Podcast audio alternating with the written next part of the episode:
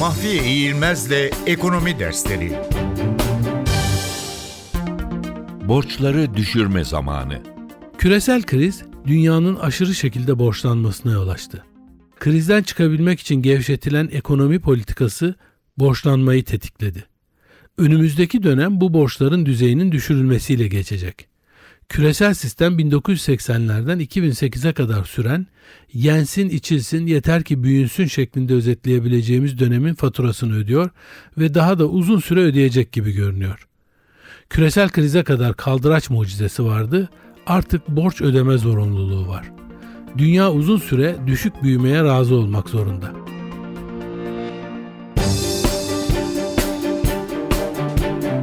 Mahfiye İğilmez'le Ekonomi Dersleri